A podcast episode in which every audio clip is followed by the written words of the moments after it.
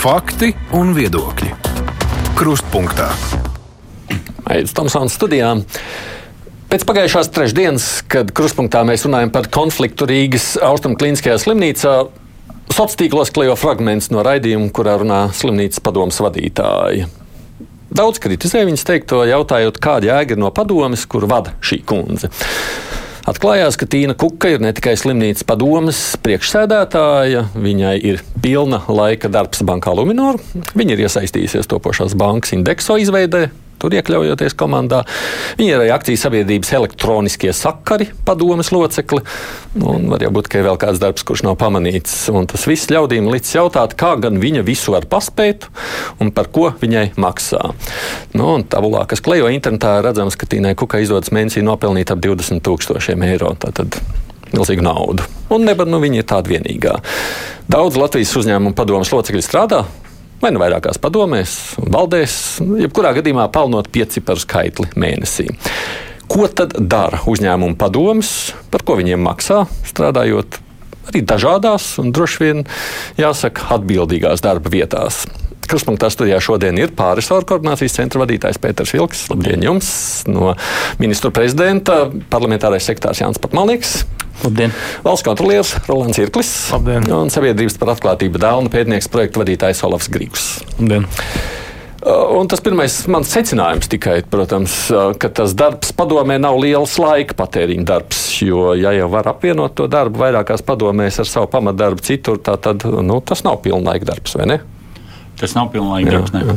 Nu, ja mēs tā skatāmies uz to, cik bieži vispār padomu sanāk kopā, droši vien nu, reizes mēnesī. Uh, ir ļoti dažādi. Tas atkarīgs no tā, Jā. kāda ir uh, kapitāla sabiedrības finanšu stāvoklis, kāda mērķa ar kādiem projektiem strādā. Ir brīži, kad padomēm ir ļoti intensīvs darbs. Piemēram, ir saprotams, ka tagad uh, Latvijas energo padomu strādā ļoti intensīvi. Tur neiet runa par padomu sēdi vienreiz mēnesī, bet ir, protams, laiks, kad padomē ir tās pamatfunkcijas, kad viņi uzrauga valdes darbu. Uh, īsteno stratēģiju, kontrolē, lai visi lēmumi būtu likumīgi. Un faktiski darbojās kā kapitāla turētāja nu, garā roka, jo kapitāla turētājs ir ierēdnis, tas ir ministrijā valsts sekretārs, kapitāla turētāja pārstāvis. un Viņam vēl jau mazāk ir laika tā pilnvērtīgi iesaistīties uzņēmuma pārvaldībā. Tāpēc arī ir izveidots padoms. Un padomu izveidošana tas pirmavots bija viņu atjaunošanai OECD prasības, tad brīdī, kad Latvija iestājās OECD, jo padomēm ir jābūt pietiekami efektīvam uzraudzības instru, instrumentam, kas nodrošina kapitāla sabiedrību vērtības pieaugumu ilgtermiņā. Tātad, lai visiem Latvijas iedzīvotājiem piederošās kapitāla sabiedrības ilgtermiņā viņu vērtība tikai tiktu vairot un lai viņas tiktu labi pārvaldītas. Nu, labi, un runājot, skatoties par to skaitli, kāpēc kādās padomēs tur ir trīs, citās ir četri. Nu, Tas tur- ir diezgan stingri reglamentēts. Pirmkārt, ir uh, tikai lielajās kapitāla sabiedrībās, ir padomes, plus arī akcijas sabiedrībās. Kopumā uh, padomēm ir jābūt 19 uh, valsts kapitāla sabiedrībās. Uh, Skaits ir atkarīgs no kapitāla sabiedrību lieluma. Sāko, ne vairāk kā 5 padomus locekļi ir iespējams tikt nodarbināti kapitāla sabiedrībās. Tas, ko jūs minējāt sākumā par atalgojumiem, arī atalgojums padomus locekļiem ir uh, maksimālais atalgojums var būt. Uh, mēnesī pēc pagājušā gada vidējās, vidējās atlīdzības, trīs vidējās algas, tas ir tri- uh, 1277 reizes 3. Tas pārējais, kas ir, ko jūs minējāt par Tīnu Kuku, tas attiecās uz viņas. To darbu, kas ir privātajā sektorā. Bet, protams, tas ir darba savienošana. Divās padomēs, vienā 3000, otrā apmēram zem bišķi. Tas par to stāsts nav tādā ziņā skaidrs. Jā. Pats par sevi. Uh, tad, ja savukārt valde kaut ko neizdara, tad ko tad padome dara? Nu, Padomu padomu uzrauga valdes darbu. Padomus, Nu, vārds pir- pirmai, pirmais mm -hmm. padomus, tas galvenais uzdevums ir vispār iecelt valdi, atlasīt valdi, iecelt, jo valde darbojas ikdienā ar uzņēmuma operatīvās pārvaldības jautājumiem. Padome uh, izstrādā arī stratēģiju, apstiprina stratēģiju, apstiprina budžetu, uh, sniedz priekšlikumus uh, arī kapitāla turētājiem, kāda ir nepieciešama kapitāla sabiedrības vispār pārvaldības, pārvaldības uzlabošanai. Tas ir tam dēļ arī, lai, kā, kā es jau minēju, lai kapitāla turētājs faktiski neiesaistītos tiešā veidā nu, tādā kapitāla sabiedrības pārvaldībā ar operatīvās darbības jautājumiem. Arī padomi īsti nenodarbojas ar operatīvās darbības jautājumiem, bet tomēr viņu tie galvenie mērķi ir stratēģijas īstenošana, stratēģijas izstrāde. bet kas notiek, ja, ja, ja padomu secina, nu, ka, ka nav lāga? Nu, tad ir padoma var ierosināt uh, atlaist valdi. Kam? Nē, padomu pati atlaiž valdi. Tas nozīmē, ka tas ir padomas viens no uzdevumiem arī izvērtēt valdes darbu. Ja ir nelikumības vai netiek sasniegt rezultāti, tad padome var atlaist valdi. Padomas saikne ar ministriju vai kādu atbildīgo politisko? Uh, savukārt ministrija var atlaist padomi, ja arī netiek sasniegt rezultāti. Arī padomē pienākums vērtēt kapitāla sabiedrības rezultātus katru gadu. Padomē ir pienākums vērtēt arī savu darbību tas tāds 360 uh, nu, grādu novērtējums, kas skaitās, kurš arī diezgan reglamentēts, kā tam jānotiek. Ir. Un to visu kopā skatot, protams, kapitāla turētājs var vērtēt uh, padomus darba efektivitāti. Lai mēs tā tikai saprastu, ir bijis gadījumi, kad padomu atlaiž kādu valdi? Uh, jā, protams, ir bijuši gadījumi. Kad, cik Ne, neatceros vienkārši piemērus, varat nosaukt. Kas, kas varbūt arī nu, Latvijas energo ir bijuši, un, un, bet ir bijuši vairāk gadījumi, protams, kad uh, atlaiž kādas valdes locekļus, kas nav darbojušies. Ir kopā 70 valsts kapitāla sabiedrības. Piemēram, tādi ir, nu, zināms. Nepagarināja pilnvaru termiņus valsts locekļiem augstsprieguma tīklos pirms kāda laika. Jā, nu, tas, bija, tas, tas, tas ir vēl viens tāds process, teiksim, pašlaik ir uh, Krievu nu, teātrī, teātrī nepagarināja uh, Čeho Krievu teātrī līgumā ar esošo valdes locekli. Un, nu, tā kā beidz līguma termiņš. Jā, tā kā nu, beidz līguma termiņš. Jā, bet tādā ziņā atlaist nav neviens šobrīd. Nu, ir, tu, ne, nu, ir, ir. komentēt, no. ka nu, pēdējais bija lielais Latvijas energo valdes priekšsādājs tika atbrīvots uh, no amata pēc tam, ka padome izvērtēja viņa rīcību. Uh, Pirms termiņa. Jā, jā, tas bija, jā, tas bija pirms termiņa. Mm. Tā kā, nu, tur konstatējot tādus būtiskus pārkāpumus, protams, tas, mm -hmm. tas notiek. Mums ir gadījumi bijuši arī, kad padomas tiek atlaistas, tāpēc kāds no ministrijas. Jā, arī ir Latvijas energo padome. Mm -hmm. Tā, kas bija atlaista. Visi... Tur, atkal, nu, tur vairāk bija tāda politiska, tomēr tāds nebija objektīvs gluži padoms ar izvērtējums tiem darbiem. Mhm. Kāpēc to jautāju? Nu, Gribētu saprast, nu, kāds ir tas izvērtējums, kādā brīdī mēs izvērtējam, cik veiksmīgi tas padomju darbošanās ir vai nav Latvijā. Es sākšu vispirms ar valsts jūs skatu punktu, nu, jūs taču arī padoms arī nonāk jūsu uzmanībā, vai ne?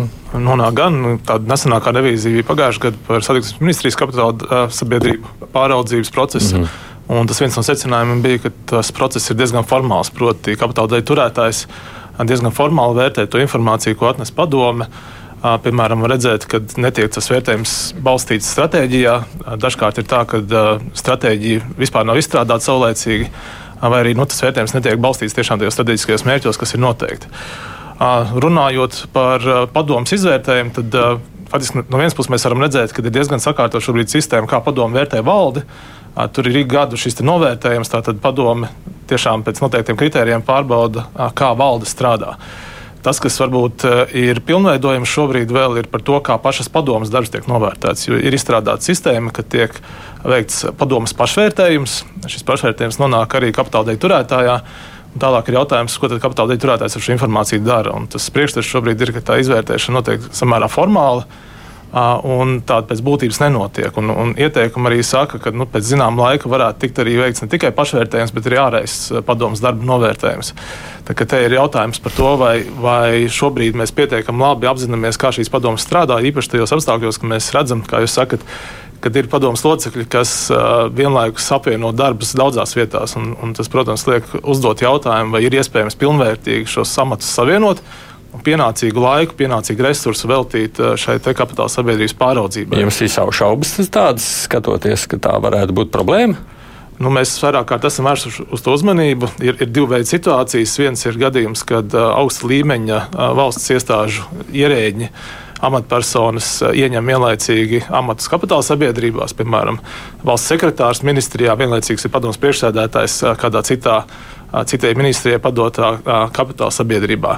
Tas ir viens gadījums, jo nu, valsts sekretāra amats ir, ir pilna laika amats, pietiekami intensīvs amats vadīt visu iestādi.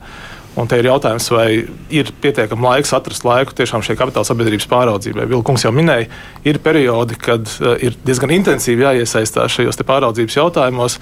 Tad jautājums, kas tajā brīdī notiek ar darbu ministrijā, vai tur tiek ņemts atvaļinājums uz to brīdi, lai, lai varētu paveikt uh, abus darbus uh, pietiekami kvalitīvi. Un, un tā otra situācija, ko šobrīd var redzēt, ir, ka diezgan daudzos gadījumos uh, faktiski vien, tie paši padomus locekļi vai valdes locekļi, kas strādā vienā kapitāla sabiedrībā, savienošu amatu ar darbu citās kapitāla sabiedrībās. Jau, jau pieminētais austrumu slimnīcas gadījums, bet ir arī situācijas, kur vienā kapitāla sabiedrībā ieņem valdes locekļu amatu vai valsts priekšsēdētāja amatu, un citā kapitāla sabiedrībā mm -hmm. ieņem padomus locekļu amatu. Un tie atkal nu, valdes locekļu, valsts priekšsēdētāja amats lielā kapitāla sabiedrībā arī ir visdrīzāk pilna laika darbs. Jautājums, ja ir tagad jānoslogo sevi citā kapitāla sabiedrībā, padomus locekļa statusā, vai atkal abiem darbiem ir pienācīga laiks, un tā, bet to varētu novērtēt tiešām šādā kvalitīvā padomju darba izvērtēšanā. Ne tikai šajā pašvērtējumā, bet arī kapitāla daļu turētājiem iesaistoties. Kas ir kapitāla daļu turētājs, kurš vērtē? Kurš, nu, kas tajā ministrijā, pieņemsim, vērtē to darbu, ko dara padome? Nu, valsts sekretārs vai valsts sekretāra vietnieks. Kurš pats arī kaut kādā citā padomē strādā, vai ne? Nē, nu, nu, nevien, kā, nevienmēr, nevienmēr, bet, bet mēdz būt arī tā. Mēdz būt arī tā. Jā, jā. Tas nozīmē, ka tādā gadījumā viņam jau apmēram priekšstats ir par to, ko no padomas var sagaidīt. Bet Olofs māja ir galva visu laiku tajā brīdī, kamēr ir kungs runāja. Kas tad tajā visā jums šķiet piekrītošais? Nu, droši vien arī mēs Dēlnā saredzētu kā problēmu to, ka tas padomus izvērtējums ir vairāk formāls un nu, droši vien nebūtu pietiekami tas, ka viņi sagatavo pašvērtējumu par sevi. Nu, tas, tas ir tā bēdīgi, ja mēs tikai paļaujamies uz to, ka viņi būs sevi objektīvi novērtējuši. Bet, nu, varbūt eh, daudz kas eh, tāds vērtīgs un kam var piekrist, jau tika pateikts. Es varbūt neatkārtošos, bet eh, varbūt vēl viena tāda lieta, par ko vērts padomāt. Droši vien mēs šeit runājam ļoti daudz par to, kā vērtēt to esošo padomju un valdes darbu, bet arī jautājums, nu, kā tie cilvēki tiek izvēlēti sākotnēji droši vien gal galā. Un, un tad, It kā konkurss? Nu, jā, protams, bet. Uh, tā teikt, eh, kā šis konkurss tiek organizēts. Tad ir jautājums par to, vai, piemēram, ir iespēja neatkarīgiem novērotājiem piedalīties, kur ar padomdevēju tiesībām eh, šajā procesā arī Dēlna ir piedalījusies eh, augstskola padomju šo locekļu izvēles procesā un tā teikt ļoti veiksmīgi. Arī bija pievienotā vērtība tam procesam, piemēram, kaut vai par to pašu labas reputācijas vērtēšanu. Ļoti daudz parasti vienmēr ir tādas neskaidrības par to, ko nozīmē šī labā reputācija. Un tad tieši arī pēc pēc Dēlnas iniciatīvas lielā mērā mm, šīs komisijas eh, teikt, izstrādāja vadlīnijas par to, kā tad, kā tad tiks vērtēts tā, kā, kā tiks vērtēta reputācija, lai viss ir zienas lapas. Un, eh, nu, nu, piemēram, tādi punkti kā godprātīga rīcība līdzšinējā darbā, kas varbūt arī, ja mēs runājam par tām amatu savienošanām, eh, par ko tikko bija runa, par to, vai ir iespējams savienot amatus, tad varbūt varētu pavērtēt to, vai, vai cilvēks, kurš uzskata, ka to līdzšinējo darbu vietu ir iespējams savienot ar vēl kaut ko, vai tā viņa attieksme ir godprātīga pret viņu darbu. Nu, jo, ne. Man jau es, es jau tāpēc, ka Kukas kundze sākumā pieminēja, man mulsina, ka ir reizēm divas amatas grūti savienot, bet tā kā jau parādās četri. Nu, tad liela amata. Nu, tas nu, rada nu, uzsvērt, ka katrā šī amata savienošanā ir divu pušu lēmumi. Tie ir kapitāla turētāji, kur piekrīt tam, ka šis cilvēks savienos, respektīvi viņš ir vērtējis to. Mēs, protams, arī kā pārsvaru koordinācijas centrs, kas faktiski nu, nodarbojas ar kapitāla pārvaldības koordināciju un šiem visiem jautājumiem, diezgan kritiski uz to skatāmies. Un tiešām aicinām, lai tas objektīvi tiek izvērtēts, cik lielā mērā padomus locekļi varēs iesaistīties pilnvērtīgi. Tas nozīmē, jūs sakāt, ka jums reizēm šaubas rodas. Uh, Tanī brīdī, kāda lēmuma tiek pieņemta, jo kapitāla turētājs par to pieņem lēmumu, ka viņš piekrīt, jā, viņš apzinās, ka cilvēks strādā vēl divos amatos un ka viņš savienos. Viens ir eh, šī amata savienošana, tā darba kapacitāte, otrs ir, protams, vai viņam nav arī kādas šaubas par kādiem interešu konfliktiem, kas var rasties, kas nav varbūt li, eh, tāds no likuma viedokļa interešu konflikts, bet eh, dažādas interešu pārstāvniecības, kas var radīt kaut kādus konfliktus. Jā, Jā un, un svarīgi arī, nu, ja cilvēks ir spējīgs, nu, pirmkārt, svarīgi, lai viņš pats ir spējīgs identificēt kaut ko, ja tās potenciālās interešu konflikta situācijas un arī sniegt kaut kā teikt, pārliecināt uh, vērtētājus par to, ka nu, pirmkārt viņš apzinās, ka tā situācija var rasties, un otrām kārtām, kā viņš redz, kā varētu menedžēt tās situācijas, nu, vai, vai, viņš, vai viņam ir kaut kāda risinājuma, kā viņš plāno norobežoties no, no tā, lai, lai nebūtu jāpieņem tāda veida lēmumi, nonākot interešu konfliktā. Gribējāt ko teikt, bet es ne, vienkārši Olafam devu vārdu. Vai priekš gribat reaģēt uz to, ko sacījāt? Es varbūt ko, kopumā. Nu, Attiecībā uz padomus locekļu darbību citās kapitāla sabiedrībās, īpaši privātajā sektorā, nu, jāatzīst, ka tā ir vispār pieņemta starptautiskā praksa, ka padomus locekļi ir nav pilna laika nodarbināti. Viņiem tas ir tikai uh, papildu, darbs, papildu pienākums, kur kapitāla sabiedrība iegūst no tā, ka šis te, šī persona nāk vai no valsts sektora vai no privātā sektora un, un pārnes zināšanas mūsu gadījumā, Latvijas gadījumā, teiksim, konkrētajā no privātā sektorā tos vadības principus ievieš arī, arī valsts kapitāla sabiedrībās. No tā, no tā mēs visi iegūstam tikai. Kas attiecas varbūt uz uz citiem jautājumiem, par nu, tehniskākiem, par to, kādā veidā var savienot, var, nevar savienot. Tur jāpiekrīt jau iepriekš runātajām par to, ka šīm atsevišķiem gan ierēdniecībā, gan atsevišķi tur, kur ir valsts kapitāla sabiedrības viens valdes loceklis strādā citā. Kapitāla sabiedrības padomē, nu, tur, tur droši vien rodas jautājums, un tā ir vieta pilnveidojumiem esošajā sistēmā. Nu, jāatzīst, ka mums ir tikuši spērti uz soļi uz priekšu par to, kā kapitāla sabiedrības tiek pārvaldīts. Nu, PKC pašlaik ir tā centrālā iestāde, un līdz ar to mēs arī redzam uh, to, kā tie procesi notiek. Uh, ir vadlīnijas, ir, uh, ir viņas tiek pilnveidotas nemitīgi, un, un mēs spējam arī diskutēt par to, ko darīt labāk. Droši vien, lai tā saruna būtu mazliet konkrētāka, mēģinām saprast vispār, ko tad mēs sagaidām. Padomi tikai izstrādā stratēģiju un skatās, vai valde šo stratēģiju īstenot. Lielā nu, mērā. Nu, ne tikai. ne tikai. Ir dažādi citi. Kā jau teicu, viens no uzdevumiem ir atlasīt, iecelt valdi. Nu, labi, tas notiek uh, reizes dažos kas, gados. Tas notiek reizes dažos gados, bet arī nepārtraukt šīs valdes darbu uzraudzību. Uh, risku pārvaldība, uh, respektīvi dažādas iniciatīvas, dažādi lielie projekti, darījuma apstiprināšanas lielo. Tas ir tas, ar ko padomē jāstrādā. Kāpēc es to jautāju? Jo pagājušajā reizē, tāpēc, ka tieši pirms nedēļas mums šeit tā diskusija bija, un uh, Kuks kundze, kas ir padomas priekšādātāja, sacīja, nu, tas ir ļoti netipiski, ka viņiem būtu tagad jāstrādā, skatoties, jo, jo viss strīds bija par austrumu slimnīcu stratēģiju. Šobrīd starp ārstiem un uh, valdi ir nu, konflikts par to, vai šī stratēģija būs pacientu labā vai nē. Nu, ministrija grib, lai padomu to risina. Padomu ar gariem ziebiem ir paņēmusi, bet, sakot, balti mums ļoti daudz. Ļoti loģiski, tāpēc, ka gal galā padome ir šo stratēģiju apstiprinājusi. Viņai jāprot arī stratēģija ir komunicēt gan ar uh, ārstiem, gan ar pacientiem, gan ar, uh, Tātad, protams, padomēji tas ir jā, jādara. Pa, padomēji tas, protams, ir jādara. Cits jautājums, protams, viņiem nav jāiesaistās kooperatīvajā darbībā, bet kam tas ir jādara? Vai tas būtu jādara veselības ministrijai? Tā pašla, pašlaik Austrums slimnīcā tā ir slimnīcas darba organizācijas problēma, kas ir, būtu jāatrisina slimnīcā. Ne jau tas nav politisks jautājums. Tātad situācijās, kurās izveidojās konflikts, padome nevar stāvēt vienkārši malā. malā viņi nevar, nevar stāvēt. stāvēt. Protams, viņi var piedāvāt dažādas risinājumus, vai mediātors, vai kādus ārējos, bet šeit iet runa tieši par eh, stratēģiju, stratēģijas īstenošanu, acīm redzot lieliem investīciju projektiem, kas ir īstenoti. Mm. Ir tā, ka mums ir kādās vietās, kur veiksmīgāk padoms tiek galā un kādās mazāk veiksmīgi. Ir kas kungs. Nu, lai to varētu salīdzināt, tad ir jādara šie vērtējumi, novērtējumi. Un faktiski jau tāds novērtējums par visu padomu darbu nav redzēts. Mēs varam šobrīd vadīties tikai no uzņēmumu, kapitāla sabiedrību darbības rādītājiem. Mēs varam mm. redzēt, ka ir. Jūs savās valsts kontrolas revīzijās to nevarat pamanīt. Nu, kā mēs minējām, tad faktiski mēs vairāk skatāmies, kā ministrijas pārauga šo kapitāla sabiedrību darbu. Un, un tas mūsu secinājums bija, ka, un joprojām ir, ka tas visdrīzāk ir pietiekami formāli. Proti, ļoti bieži izvērtējums netiek veikts pēc būtības. Mm. Bet uh, tas, kas ik pa laikam iespējams liecina par to, ka nepārāk labi ir kaut kas nostrādājis strateģiskā līmenī, dažkārt ir tieši šie skandalozie gadījumi, kā mēs dzirdam par uh, elektrības tarifiem, kas ir iesniegti. Un, un, un nav skaidrs, mm. vai, vai tādi bija labi sagatavoti, vai viņi atbilst stratēģijai.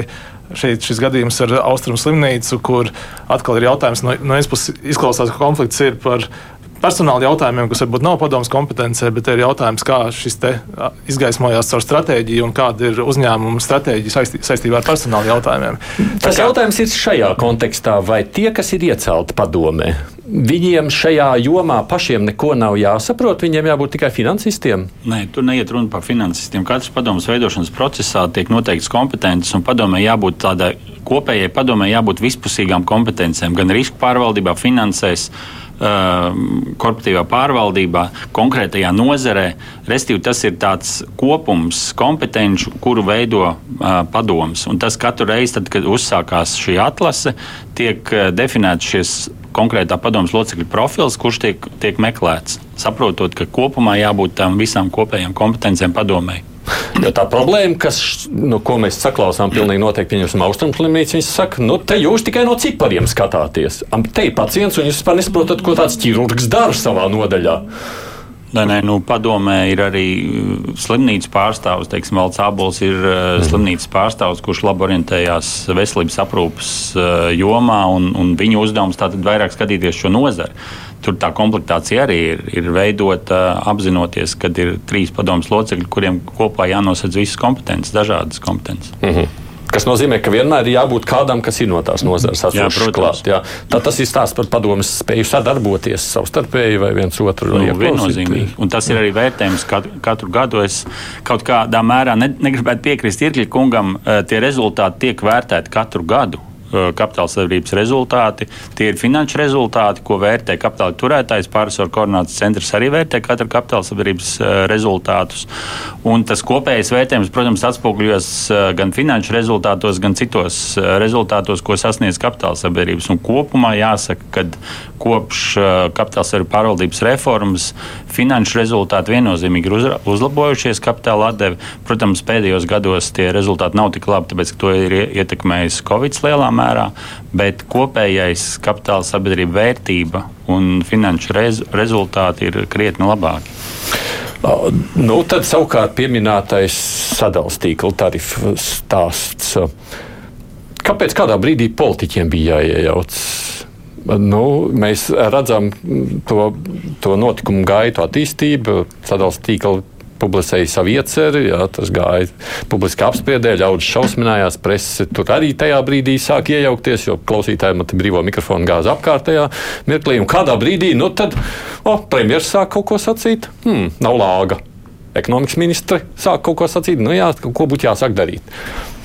Padomu nekur nedzirdēju. Droši vien, droši vien šajā gadījumā tas ir saistīts ar to, ka tie instrumenti, lai mainītu šo tarifu pieteikumu, ir tieši valdības pusē, kas spēj varbūt pārskatīt to gan regulatīvo režīmu, gan arī to, kādas vai mērķis, kādos kapitāla sabiedrībām būtu jādara. Kādā ziņā tas, ko šobrīd Intriksons kundze saka, no, ka viņi bija uztaisījuši tarifu plānu, uztaisīsim, paskatīsimies, ja nu iet cauri. Nu, tā apmēram es šobrīd iz, uh, interpretēju Indriksons kundzes sacīto. Pamēģinājumu uz pilnu klapu negāja cauri. Nu, neko. Acīm redzot, neveiksmīgs mēģinājums. Neveiksmīgs mēģinājums. Tur grūti tādā ziņā komentēt to padomēju. Šādas lietas nav jāuzrauga. Vai, vai, vai tas veids, ko viņi dara, ir vispār valsts un sabiedrības interesēs? Vai nav? Uh, Latvijas energo gadījumā gan jāsaka, tur ir uh, vairāku līmeņu šīs padomas. Gan ir gan sadalījuma padoma, gan arī koncernam kopumā ir padoma. Un, uh, protams, ka viņiem ir jāraugās uz to uh, sabiedrības interesēm, bet uh, nu, tajā pašā laikā nu, šajos tarifu jautājumos uh, viņi jau saskarās ar faktu, ka ir pieaugušas konkrētas izmaksas. Tad jautājums no valsts puses ir, kādā veidā, kādus uzdevumus dots kapitāla sabiedrībai, lai nu, negūtu varbūt šos ieņēmumus, strādāt ar zaudējumiem vai kaut kādā veidā kompensēt šos zaudējumus, kas viņiem veidojas no pakalpojumu sniegšanas. Un tāpēc tajā brīdī iejaucās ministrs kabinets un, un, un parlaments. Es to jautāju no, no tāda viedokļa, kā labāk mēs skatāmies, kas padomus uzdevums ir tā, lai galvenais nopelnītu maksimālu uzņēmumu vai tā, lai tas strādā Latvijas sabiedrības labā? Galvenais uzdevums ir uzņēmuma, protams, ilgtermiņa vērtība. Un uzņēmuma ilgtermiņa vērtība okay. ir Latvijas sabiedrības interesēs. Arī sadalījuma tīkla ilgtermiņa vērtība ir Latvijas jā, sabiedrības jā, interesēs, jā. lai mums būtu droša elektroapgādi. Mm -hmm. Tur iet runa par konkrētiem teiksim, rādītājiem. Šeit droši vien būs spēle par to, vai mēs uh, tolerēsim to, ka elektrības atslēguma var būt biežāka. Tas nozīmē mazākas investīcijas, no mazākām investīcijām. Šie atslēguma periodi garāki, jo būs mazāk teiksim, apkalpošais personāls, kas to apkalpo. Tā ir tā spēle, starp to, kas mums ir vajadzīgs. Jo es pieļauju, ka sadalījuma tīkls ļoti nu, tā asketiski paskatījās, kādas ir izmaksas, kas mums ir vajadzīgs, un to, uh, arī to pakalpojumu kvalitātes eh, projekcija iezīmēja tādu nu, ar nelielu izaugsmu, kas, mm. protams, ir eh, pieaugums, pieaugums tarifos. Un šī brīdī, kad tas sakrit arī ar elektrības tarifu, el, elektroenerģijas nu, tarifu pieaugumu, kas ir atsevišķā komponente, Nu, nu, mēs jau tajā pašā laikā par šo tēmu esam te runājuši. Tas arī nozīmē, piemēram, apturēt šīs zaļās enerģijas tālāk virzību solāro, Jā. kas Nu, ir sabiedrības interesēs vai nav? Tās ir izvēles, bet, jā, jā, tās ir politiskas bet izvēles. Šī, jā. šis nav vairs padoms jautājums. Tas nav gluži padoms jautājums. Tāpēc uh, valdībai vai politiķiem ir jānosaka regulatīvā vide. Teiksim, ko mēs tolerēsim, vai mēs tolerēsim kaut kādus ierobežojumus attiecībā uz zaļo enerģiju, vai mēs tolerēsim kaut kādus uh, jau attīstības scenārijus attiecībā uz uh, pieslēgumu kvalitātēm, apjomiem, jaudām. Tas nozīmē, ka man tas skats uz padomu tikai nu, viņiem galvenais rūpēties, lai sadalījums tīkls labi dzīvotu. Padomē ir svarīgi no nu, strateģijas viedokļa gan finanšu, gan nefinanšu mērķi. Un šīs stratēģijas valsts kapitāla sabiedrībām ietver šos finanšu un nefinanšu mērķus. Un, protams, kad sadalījuma tīklam no vienas puses ir jāaudzē šī vērtība, teiksim, jā, jā, jāveic sekmīga ekonomiska darbība, bet viņam noteikti ir arī jāsekmē to, ka mūsu valstī attīstās šis pakalpojums pietiekami kvalitīvi pieejami iedzīvotājiem, tā skaitā attīstot arī jaunās, modernās, atjaunīgās tehnoloģijas. Ja tā stratēģija ir skaidra, tad padomē ir viegli to stratēģiju arī uzraudzīt. Un, un, Proti, un valsts līdz... nav uzlikusi padomē nemaz tādu uzdevumu. Nu, te ir zināmā mērā jau tā atbildība tālāk pārējai kapitāla daļu turētāja ziņā, kur, kuram tad ir iespēja definēt jau sadarbībā ar padomi skaidrāk šo stratēģiju. Jo, protams, padomi primāri ir atbildīgi par stratēģiju, bet nevar teikt, ka kapitāla daļu turētājs var pilnībā norobežoties un teikt, ka man ar šo stratēģiju nav, nav nekādas daļas. Jo, jo īpaši ir tas, ka dažkārt valsts ar kapitāla sabiedrībām realizē arī politiku. Īpaši, ja mēs runājam par lieliem energo uzņēmumiem, kas ir pārvades operators un sadalījuma operators, nenoliedzami, ka caur šiem uzņēmumiem var realizēt arī valsts politiku. Kā, tur, kur sākās šī valsts politika, tur, protams, kapitāla daļa turētājiem, kā politikas veidotājiem, ir arī svarīgi nodefinēt šos te, vai, vai piedalīties šo strateģisko mērķu definēšanā. Mm. Tur, kur ir tīrie finanšu mērķi, nu, tur tiešām padomu var strādāt neatkarīgāk, bet ja mums ir jau jā, jādefinē šie nefinanšu mērķi, kas ir saistīti ar kādu valsts politikas īstenošanu, tad bez kapitāla daļu turētāja līdzdalības un aktīvas iesaistes. Nu, tur nevar mm. iztikt. Ja man tād, kāpēc es skatos uz to? Man tāda sajūta, ka mēs reizēm nu, tā ļoti šauri skatāmies. Nu, tāda viena uzņēmuma līmenī. Nu, varbūt mēs esam spējami pastīties vēl nozars, bet ne tādā nu, plašākā. Tā nav laba. Nē, nu, jā, droši vien, tā ir. Ko darīt? Nē, tur tā lieta, ka tas regulējums ir faktiski uztaisīts priekš ļoti dažādām kapitāla sabiedrībām. Kapitāla sabiedrības ir gan teātris, energo lielie uzņēmumi TET, uh, slimnīcas un tā tālāk. Un visiem viens? Nu, nav viens. Viņš ir pielāgojams katrai atsevišķai kapitāla sabiedrībai. Respektīvi, tie vispārējie principi ir līdzīgi. Bet, piemēram, tajā brīdī, kad mēs nodefinējam nefinanšu mērķus uh, enerģētikā, apzināmies, ko tas nozīmē. Tas nozīmē, ka tie nefinanšu mērķi kaut ko maksā. Ja to nevar iegūt caur tarifiem vai caur pašu kapitāla sabiedrības ienākumiem, tas jāmaksā, jāapmaksā caur budžetu. Nu, tāpēc, kad pretējā gadījumā veidosies, nu, mēs iedzīsim uh, zaudējumus zaudējumos kapitāla sabiedrība ilgtermiņā, un viņa nonāk maksātnespējā. Mhm. Bet cik mums vispār ir tādas padomas, ja, un tās vietas, kurās ir nu, nu, tas vairāk pakāpju sfēra? Jūs teicāt par valsts kapitāla sabiedrībām, bet mums jau nav tikai vai ne? Mums taču viņas visur ir. Jā, universitātēs, iestādēs, dažādās. Universitātēs varbūt nedaudz citādāk, bet, ja runājam par valsts kapitāla sabiedrībām, droši vien, kad uh, kādā brīdī vajadzētu papildināt to, ko, kas būtu nepieciešams darīt. Ir, nu, viens ir Tas, ka ir valdības deklarācijā, ir apņemšanās arī vērtēt uh, kapitāla sabiedrību apvienotas pārvaldības izveidu vai centralizāciju, kas ļautu varbūt profesionālāk, nu, kad ir uh, profesionāls instruments, nav valsts sekretāra, varbūt kapitāla daļa turētāja, bet ir, ir kāda atsevišķa izveidota kapitāla sabiedrība, kas nodarbojas ar, ar citu kapitāla sabiedrību pārvaldību. Tas ļautu profesionālāk, profesionālāk varbūt risināt šādas Pag, situācijas un problēmas. Ļaujiet man vēlreiz saprast šajā brīdī, tas, nu, ko tas nozīmētu tādā ziņā, ka mēs izveidojam vēl vienu uzņēmumu, kas pārauga padomus un padomus pārauga valdes nu, kaut kā pārauga kapitāla sabiedrību darbību kā tādu? Nē, nu, pašreizējais modelis, kad katrā min, teiksim, ministrijā, ekonomikas ministrijā, viņi veido gan uh, enerģētikas politiku, gan arī ir kapitāla turētājs enerģētikas uzņēmumam.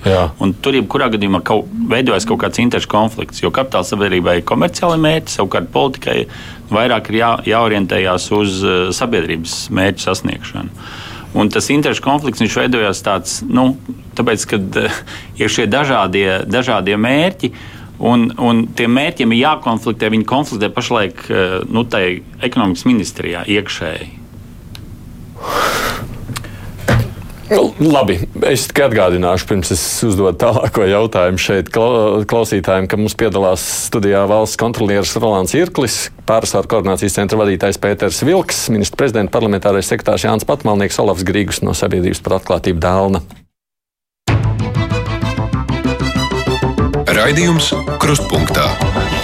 Nu, droši vien, ka man te saka, vajag apstīties, ko ļaudis šeit raksta, vai ne. Man liekas, tiešām klausītāji viens pēc otra vienu to pašu tādu nekā nesaprotam, par ko tad atbild padomis un kā viņu atbildība tiek vērtēta. Nu, nu, es virkni jautājumu, laikam, par vienu to pašu. No jums neviens nekā nav sapratis. Izstāstiet, kā tad mēs. Nu, es sapratu, nu, Iekrikkungs sacīja to, ka švaktā vērtēšana. Nu, Vilkungs diezgan labi noraksturoja, ko dara padomus, un to var noteikti atkārtot. Tā ir stratēģijas tātad, apstiprināšana, izstrādāšana, apstiprināšana, uzraudzība un arī pastāvīga uzraudzība, proti, uzraudzība un riska pārvaldība. Tātad, kā sekmējās ar šīs stratēģijas ieviešanu, vai tiek sasniegti finanšu mērķi, vai tiek sasniegti nefinanšu mērķi. Tā ir arī valdes atlase, visi šie procesi, un tie ir pietiekami nozīmīgi. Un, un tik tiešām nu, padomus darbs, lai arī nav pilna laika darbs, nu, tas ir pietiekami laikietilpīgs. Nu, šobrīd tas atalgojums arī padomēm ir 30% apmērā no valdes locekļu atalgojuma. Nu, var pieņemt arī, ka nezinu, tā ir 30% slodze no valdes locekļu slodzes, bet, bet kaut kas tuvu tam tas pat varētu būt atkarībā protams, no kapitāla sabiedrības. Un, un, nu, līdz ar to ir svarīgi, protams, arī ne tikai vērtēt valdes darbu, bet ir svarīgi vērtēt šo padomus locekļu darbu un padomus darbu kopumā. Un, un tie esošie mehānismi, tas ir labs jautājums, vai viņi ir pietiekami, lai varētu to kvalitīvi novērtēt un, attiecīgi, kapitāla daļu turētājs, lai varētu pieņemt arī lēmumu. Turpināt sadarbību ar attiecīgiem padomus locekļiem, vai tomēr kaut ko mainīt. Jo šim izvērtējumam beigās ir jānoslēdzas arī ar šādiem lēmumiem. Tātad, vai kapitāla daļu turētājs ir apmierināts ar padomus darbu, viņam ir jāspēj atbildēt uz šo jautājumu, un ko tad iesākt ar padomu sastāvu turpmākajā laikā. Oh. Uh, nu, jā, droši vien, ka par to vērtēšanu var, varbūt klausītājiem nu, palīdzēs. Vismaz tas, kā es to saprotu, droši vien, ka ir ne tikai jāvērtē, bet arī nu, padomēji jādod padomi tai valdei par to, kā uzlabot darbu. Un tad, attiecīgi, ja tie padomi netiek ņemti vērā, tad tas galīgais risinājums droši vien ir tā valdes atlaišana, par ko mēs jau runājam. Gan jau, ka tas nav pirmais risinājums, kad mums ir kaut kādas problēmas, nu, varbūt arī kādreiz ir tik katastrofāla tā situācija, kad varbūt tā, tā.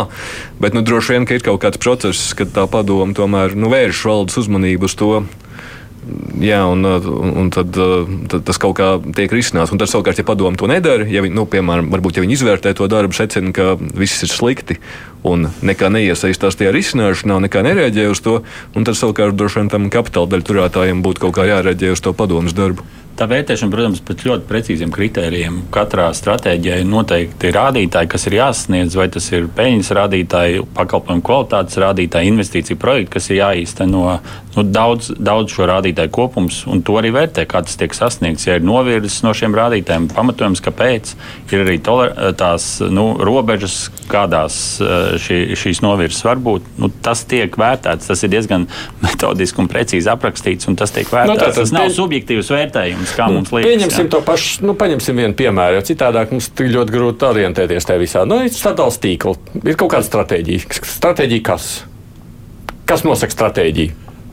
Pati stratēģija tātad izstrādā uzņēmums un apstiprina vispārējo strateģisko mērķi, apstiprina ministru kabinets, bet nu, tā konkrēti varbūt runājot par to, kā tas mehānisms strādā, tad pieņemsim, ja, ja Tomsons kungs jūs būtu īpašnieks kādam uzņēmumam, tad uh, mēs četri, kas šeit studijā būtu jūsu pārstāvi tajā uzņēmumā, lai sekotu tam, lai šis uzņēmums strādā labi.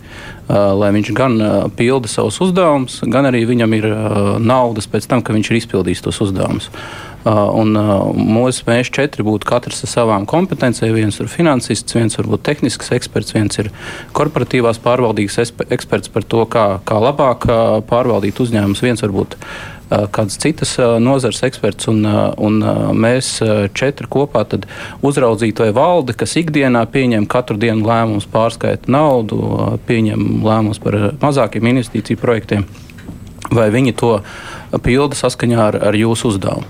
Uh, un tad tādā veidā tas mehānisms strādā, ka mēs kā padomu būtu teiksim, paplašinājums jūsu no nu jā. vēlmēm vai jūsu uzskatiem par to, kādā veidā šim uzņēmumam būtu jāstrādā. Nu bet tas, pie kā mēs atkal atgriežamies pie tā paša, būtībā jau tas lielā mērā ir stāsts par to, vai tu atnesīsi man naudu atpakaļ vai neatnesīsi. Nu, ne tikai naudu.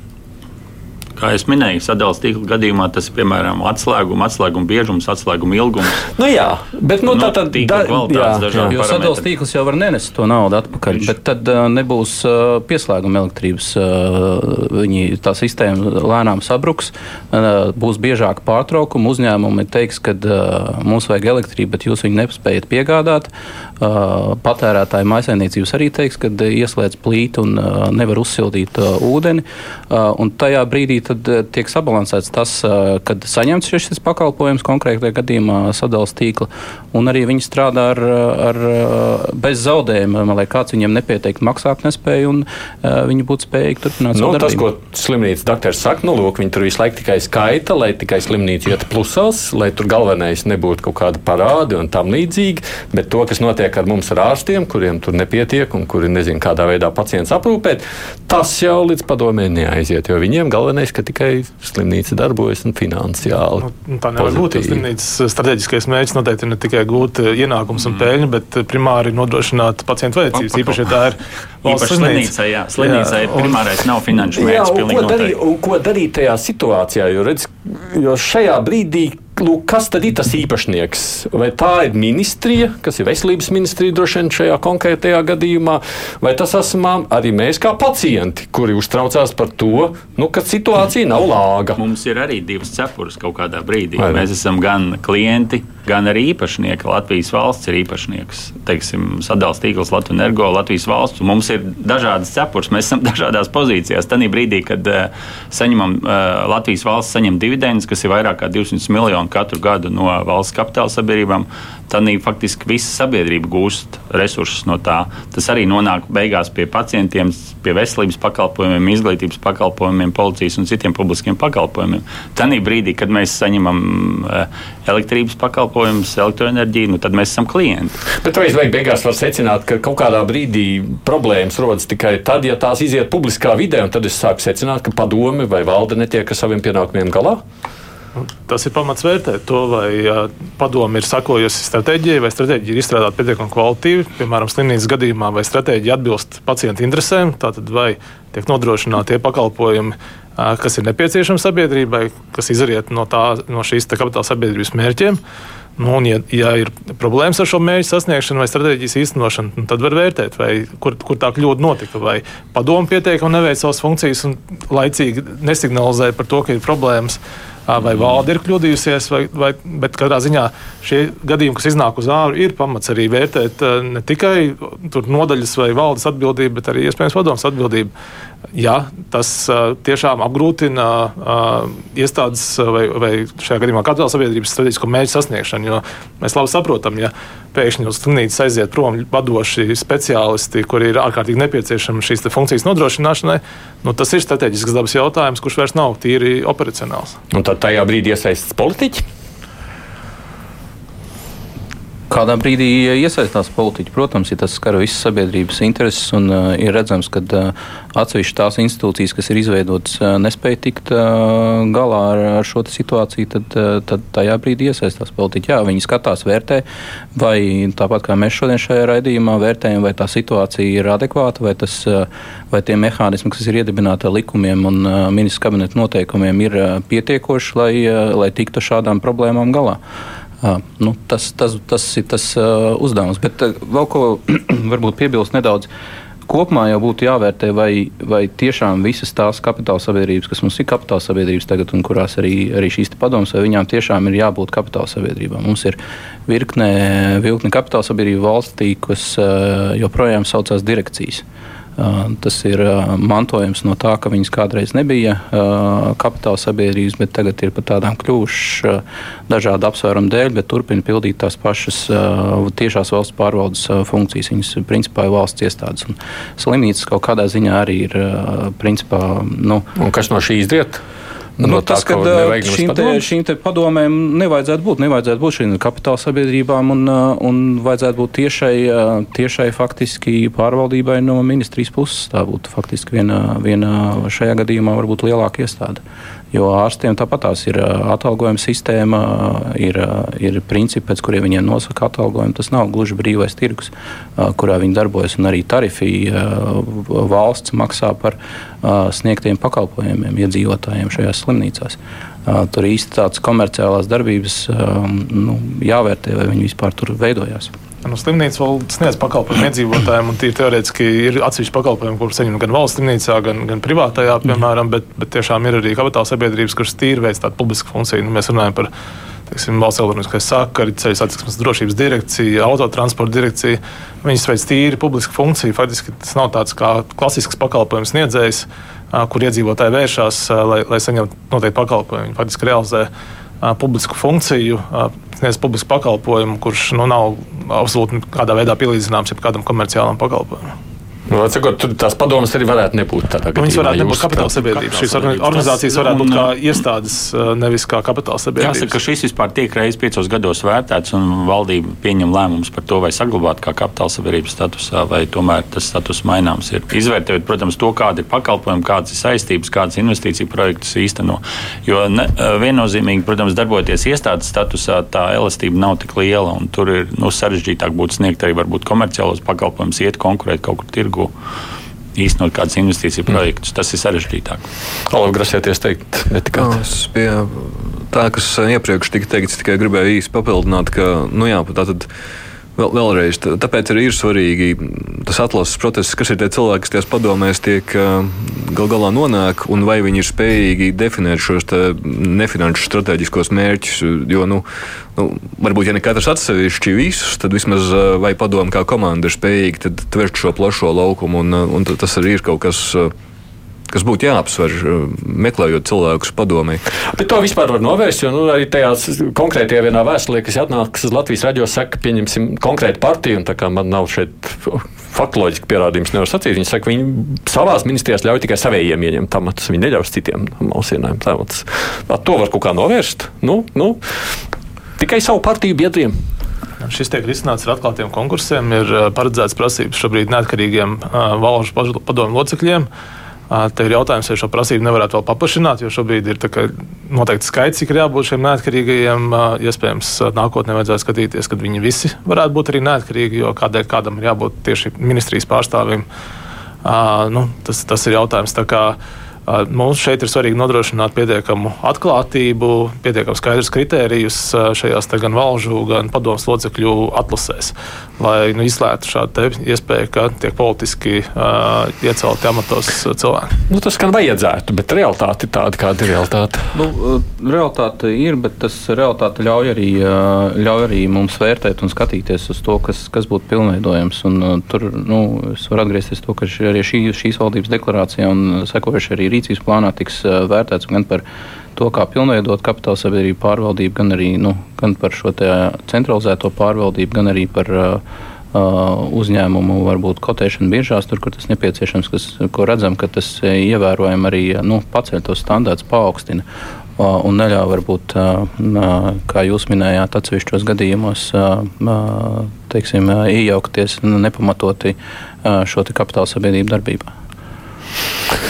Uh, runājot par tālāko, tam līdzīgi. Nu, labi, jūs grasāt, nu, jūs vērtējat, tas ir jūsu darbs, kurā brīdī nonākat. Padoms jau faktiski jūsu rīcībā netiek vērtēts, ja jūs skatāties tikai pašu uzņēmumu darbus. Tā, mēs skatāmies ā, pārvaldības šos procesus ā, un kā tiek uzraudzīts kapitāla sabiedrības mēs vērtējam. Jo es saku, pagājušajā gadā mums bija viena revīzija tieši attiecībā uz satiksmes ministrijas kapitāla sabiedrību pārvaldību.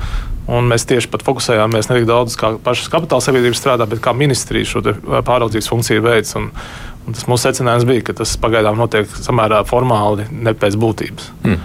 Savukārt, runājot par publisko jeb sabiedrības attieksmi, sabiedrība lā- lāgi nesaprot, kas notiek un kāpēc tās padomas tur darbojās un kāpēc tieši šie cilvēki, ko tad varētu darīt, lai mums, nu, lai tā informācija tāda, kas raisa uzticību arī.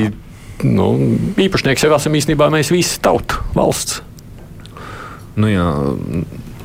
Viena lieta, ko es jau arī pieminēju, droši vien, ka, kas ir svarīga tajā atlases procesā, kandidātiem būtu tāda neatkarīgi novērotāju klātbūtne, lai ir iespēja komentēt ekspertiem arī to procesu un varbūt izvairīties no tām situācijām, kad nu, tiešām ir kaut kāda tā.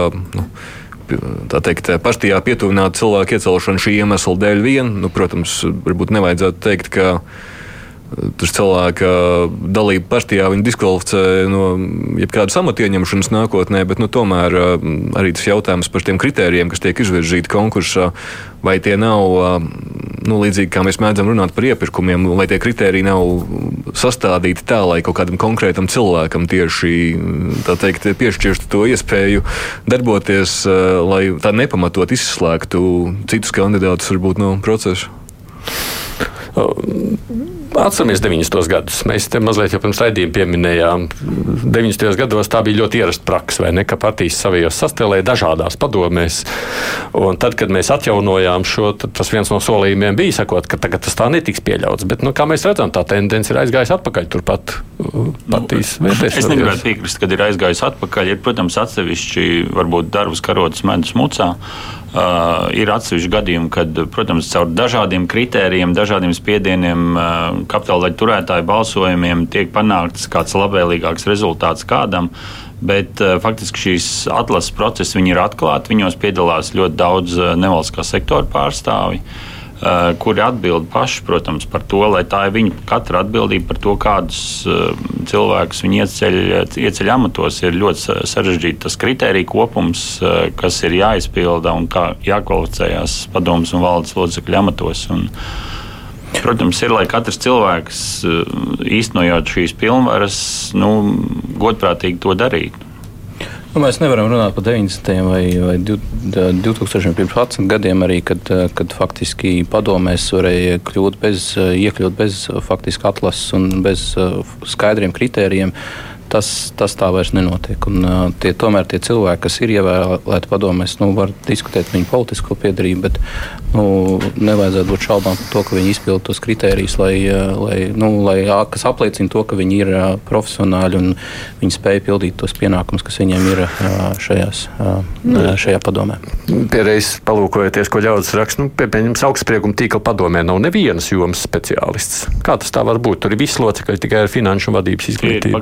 Padomus locekļi, ko mēs arī esam uzsvēruši, ka tur ir atsevišķi padomus locekļi pagaidu. Pagaidu.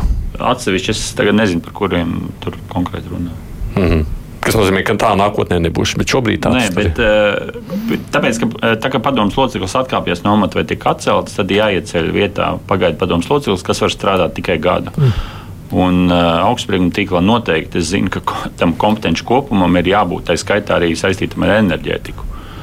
Mm. Nāšu vārdā arī dažkārt eh, kapitāla sabiedrībās tiek rēkots, ka tie pagaidu locekļi izrādās ir ilgāk nekā uz gadu, un, un mm. tad uh, šī norma salīdzinoši nesen tika ieviesta, un tie, kas bija iecelti pirms šīs normas stāšanās spēkā, turpina būt pagaidu locekļi arī vairāk kā divus gadus uh, pēc iecelšanas amatā. Un, un, Uz to mēs arī esam vērsuši uzmanību. Ka, to mēs atgādinām katru gadu. Jā, kad, kad turētājiem mums tā informācija ir centralizēta. Atgādinām, kuriem padomus locekļiem beidzās šie gada termiņi. Ko gribētu iebilst? Ah, nu, es droši vien varētu piekrist, ka tā situācija nav tik bēdīga, kā tas bija iepriekš. Bet vēl par to procesu runājot, nu, vēl viens jautājums ir tieši par to atlases procesu. Cik daudz informācijas ir publiski pieejama, piemēram, par to, kas vispār ir tie kandidāti uz padomu. Es saprotu, ka ir tāda apsvēruma par to, ka. Nu, nav īpaši liela atsaucība teikt, kandidātiem pieteikties uz tādu veidu amatiem, un tā varētu samazināties, jo tur ir tā bažas par to, ka nu, kandidātus tur izvazās pa mēdījiem un uh, nomētās ar dubļiem, ja būs pārāk ātri tāda informācija pieejama par to, kas vispār kandidē. Bet, nu, tad, jā, nu, jā, tas, tas ir jautājums, vai tas ir.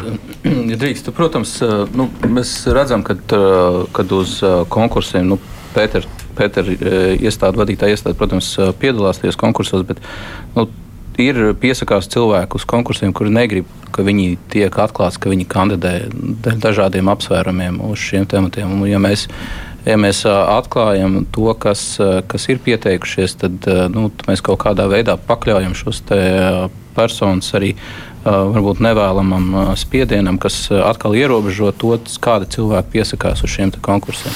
Un tie, kas ir, nu, jā, ir bijuši, kā, kā minēja jau pilieni teiksim, vai karotes medus mucā, par to, kā tiek atlasīti šie te, padomus locekļi. Bet nu, tie jautājumi, kuriem jāturpina strādāt. Un, Cēr, cik liela mums ir tie konkursi uz padomus? Ir pretendentu skaits, ir salīdzinoši liels, liels vairāki desmiti parasti uz vienu mm -hmm. amata vietu. Ir tie konkursi. Tanī brīdī tas ir viens no tādiem sarkaniem zvaniem vai sarkaniem karodziņiem. Ja ir pāris pretendenti, parasti tad nominācijas komisija saka, nē, mums jāpārskata kritēriji, uzdodam kapitāla turētājiem pārskatīt kritērijus, lai pretendentu lokus būtu plašāks. Bet tie ir, diemžēl, tie nu, kritiskie gadījumi, ka tiešām ir, nu, acīm redzot, kritēriji neobjektīvi un sašaurina pretendentu loku. Man, man varbūt tāds jautājums, varbūt, jau man nav īsti pašam atbildes nu, vai mums ir pārliecinošs iemesls domāt, ka šie kandidāti tiešām nekandidētu, ja, ja būtu tā informācija publiski pieejama par to, ka viņi kandidē? Jo, nu, es saprotu, ka viņi to var teikt, jo nu, viņi it kā negrib, ka tā informācija ir publiska, bet vai tas ir tik atturošs apstākļus, ka viņi jā, tādēļ. Tā ir normāla personāla atlases. Nu, jā, nu, labi, šis ir vesels atsevišķs tas... diskusijas temats, protams, par ko mēs arī esam kādreiz runājuši un droši vien arī varam uzrādīt. Te Agni vēl reaģēt uz Irkļkungu sakot, es, piemēram, kad nesu uz padomu lēmumu, saprotu, cilvēks no valdes, viņas, tur vienmēr padomu sēž un blakus tikai telefonu. Reizēm kāds izsaka kādu komentāru, lai parādītu, ka kaut ko dara un parādītu, ka viņi ir padome, bet vispār pa lielam viņi tur ir liekējuši. No kuras padomas. Tāpēc ir vajadzīgs šis no, padomas novērtējums un iespējams arī dažkārt neatkarīgs novērtējums, nevis tikai pašvērtējums, kurš vēlāk formāli jābūt, tiek izskatīts ministrijā. Jā, jābūt arī kaut kādai nu, profesionalizācijai tajā sistēmā, kā tiek kapitāla sabiedrības pārvaldīts. Nu, valsts sekretāri varbūt nav gluži tie, kas spēj ikdienā pievērst uzmanību tam, kā šīs padomas strādā. Un tur, kur varbūt ir nu, teiksim, koncernā iekšēnē Latvijas energo, mēs redzam, ka uh, tur tas dialogs starp padomēm notiek uh, augšā lejā. Labi, tur ir jautājums par to, cik tas slikti vai labi notiek, bet tas nu, nevar izslēgt, ka tas notiek un tā informācijas apmaiņa. Un tur, kur ir varbūt vienkārši uh, pretī ierēdniecības pārstāvji, mm. tur ir, uh, tur ir tur, tur, varbūt tā pieeja ir uh, nu, gluži netik kvalitatīva. Tas, ko mēs varam secināt pēc tā laika, kad tās padomas ir ieviesis, ka tagad valdes darbi ir kas uzrauga, bet problēmas atkal ir pašu padomju uzraudzība. Tad, pieliekot klāt šo vēl vienu aspektu, mēs esam nokļuvuši atkal šādā riņķī. Jābeidz mums. Es saprotu, ka šādas tādas izmaiņas jūs tur, kad tās varētu nākt klāt ar, no, ko jūs teicāt, izvērtēt, kā iespējams vēl viena atsevišķa struktūra, kas pārauga? Nu, tas ir tas, tas politiskais dialogs, kas man būs ar, ar tiem kapitāla daļu turētājiem, jo, protams, tās kapitāla sabiedrības kaut kādā mērā ir kaut kāds medus pots, ko ministrijas netik labprāt ah. Tā kā vēl nevar zināt, kā tas izbeigsies. Bet, nu, tas ir virziens, virziens ar, ko, ar ko noteikti vismaz mēs no, no premjera puses strādāsim, lai, lai, lai mēs neatgrieztos šādās diskusijās ar jautājumiem par to, ko padoms dara un vai tas tiešām viss ir izdarīts tik ļoti labi. Bet, bet katrā ziņā ar pārvaldības jautājumu uzlabošanu nepārtraukti tiek strādāts gan kas izriet no teiksim, valsts kontrolas veiktiem revīzijām, gan arī no šādiem, nu, zaugsim viņus pa skandāliem, kas notiek, un mēs redzam, ka ir kaut kādas nepilnības ar to iniciatīvas nepārtraukti notiek. Pēters Vilks, pārsvaru koordinācijas centra vadītājs, Jānis Patmalnieks, ministra prezidenta parlamentārais sekretārs, šeit arī Rolands Irklis ir valsts kontrolieris un sabiedrības par atklātību Dauna pētnieks projektu vadītājs Olafs Grīgus. Paldies, ka atnācāt šeit uz studiju. Procēšu raidījumiem Junām studijā Aidis Tomsons.